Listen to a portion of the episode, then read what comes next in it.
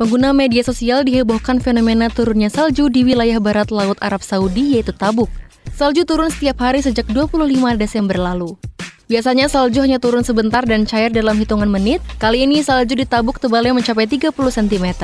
Suhu di sana beberapa hari terakhir minus 5 derajat Celcius, padahal selama ini panasnya mencapai 50 derajat Celcius. Namun fenomena ini bukan pertama kali terjadi di Saudi. Pada Maret 2023 lalu ada wilayah yang terkenal tandus malah diselimuti salju dan mulai menghijau.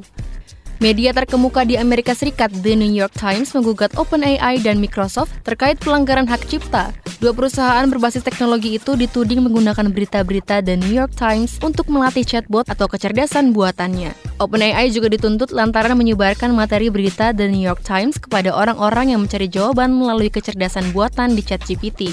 The New York Times menganggap tindakan OpenAI dan Microsoft mengancam sumber pendapatan dan mencuri hasil kerja para jurnalisnya yang bernilai miliaran dolar. Gugatan ini diajukan ke pengadilan federal di Manhattan setelah upaya negosiasi antara ketiga pihak gagal.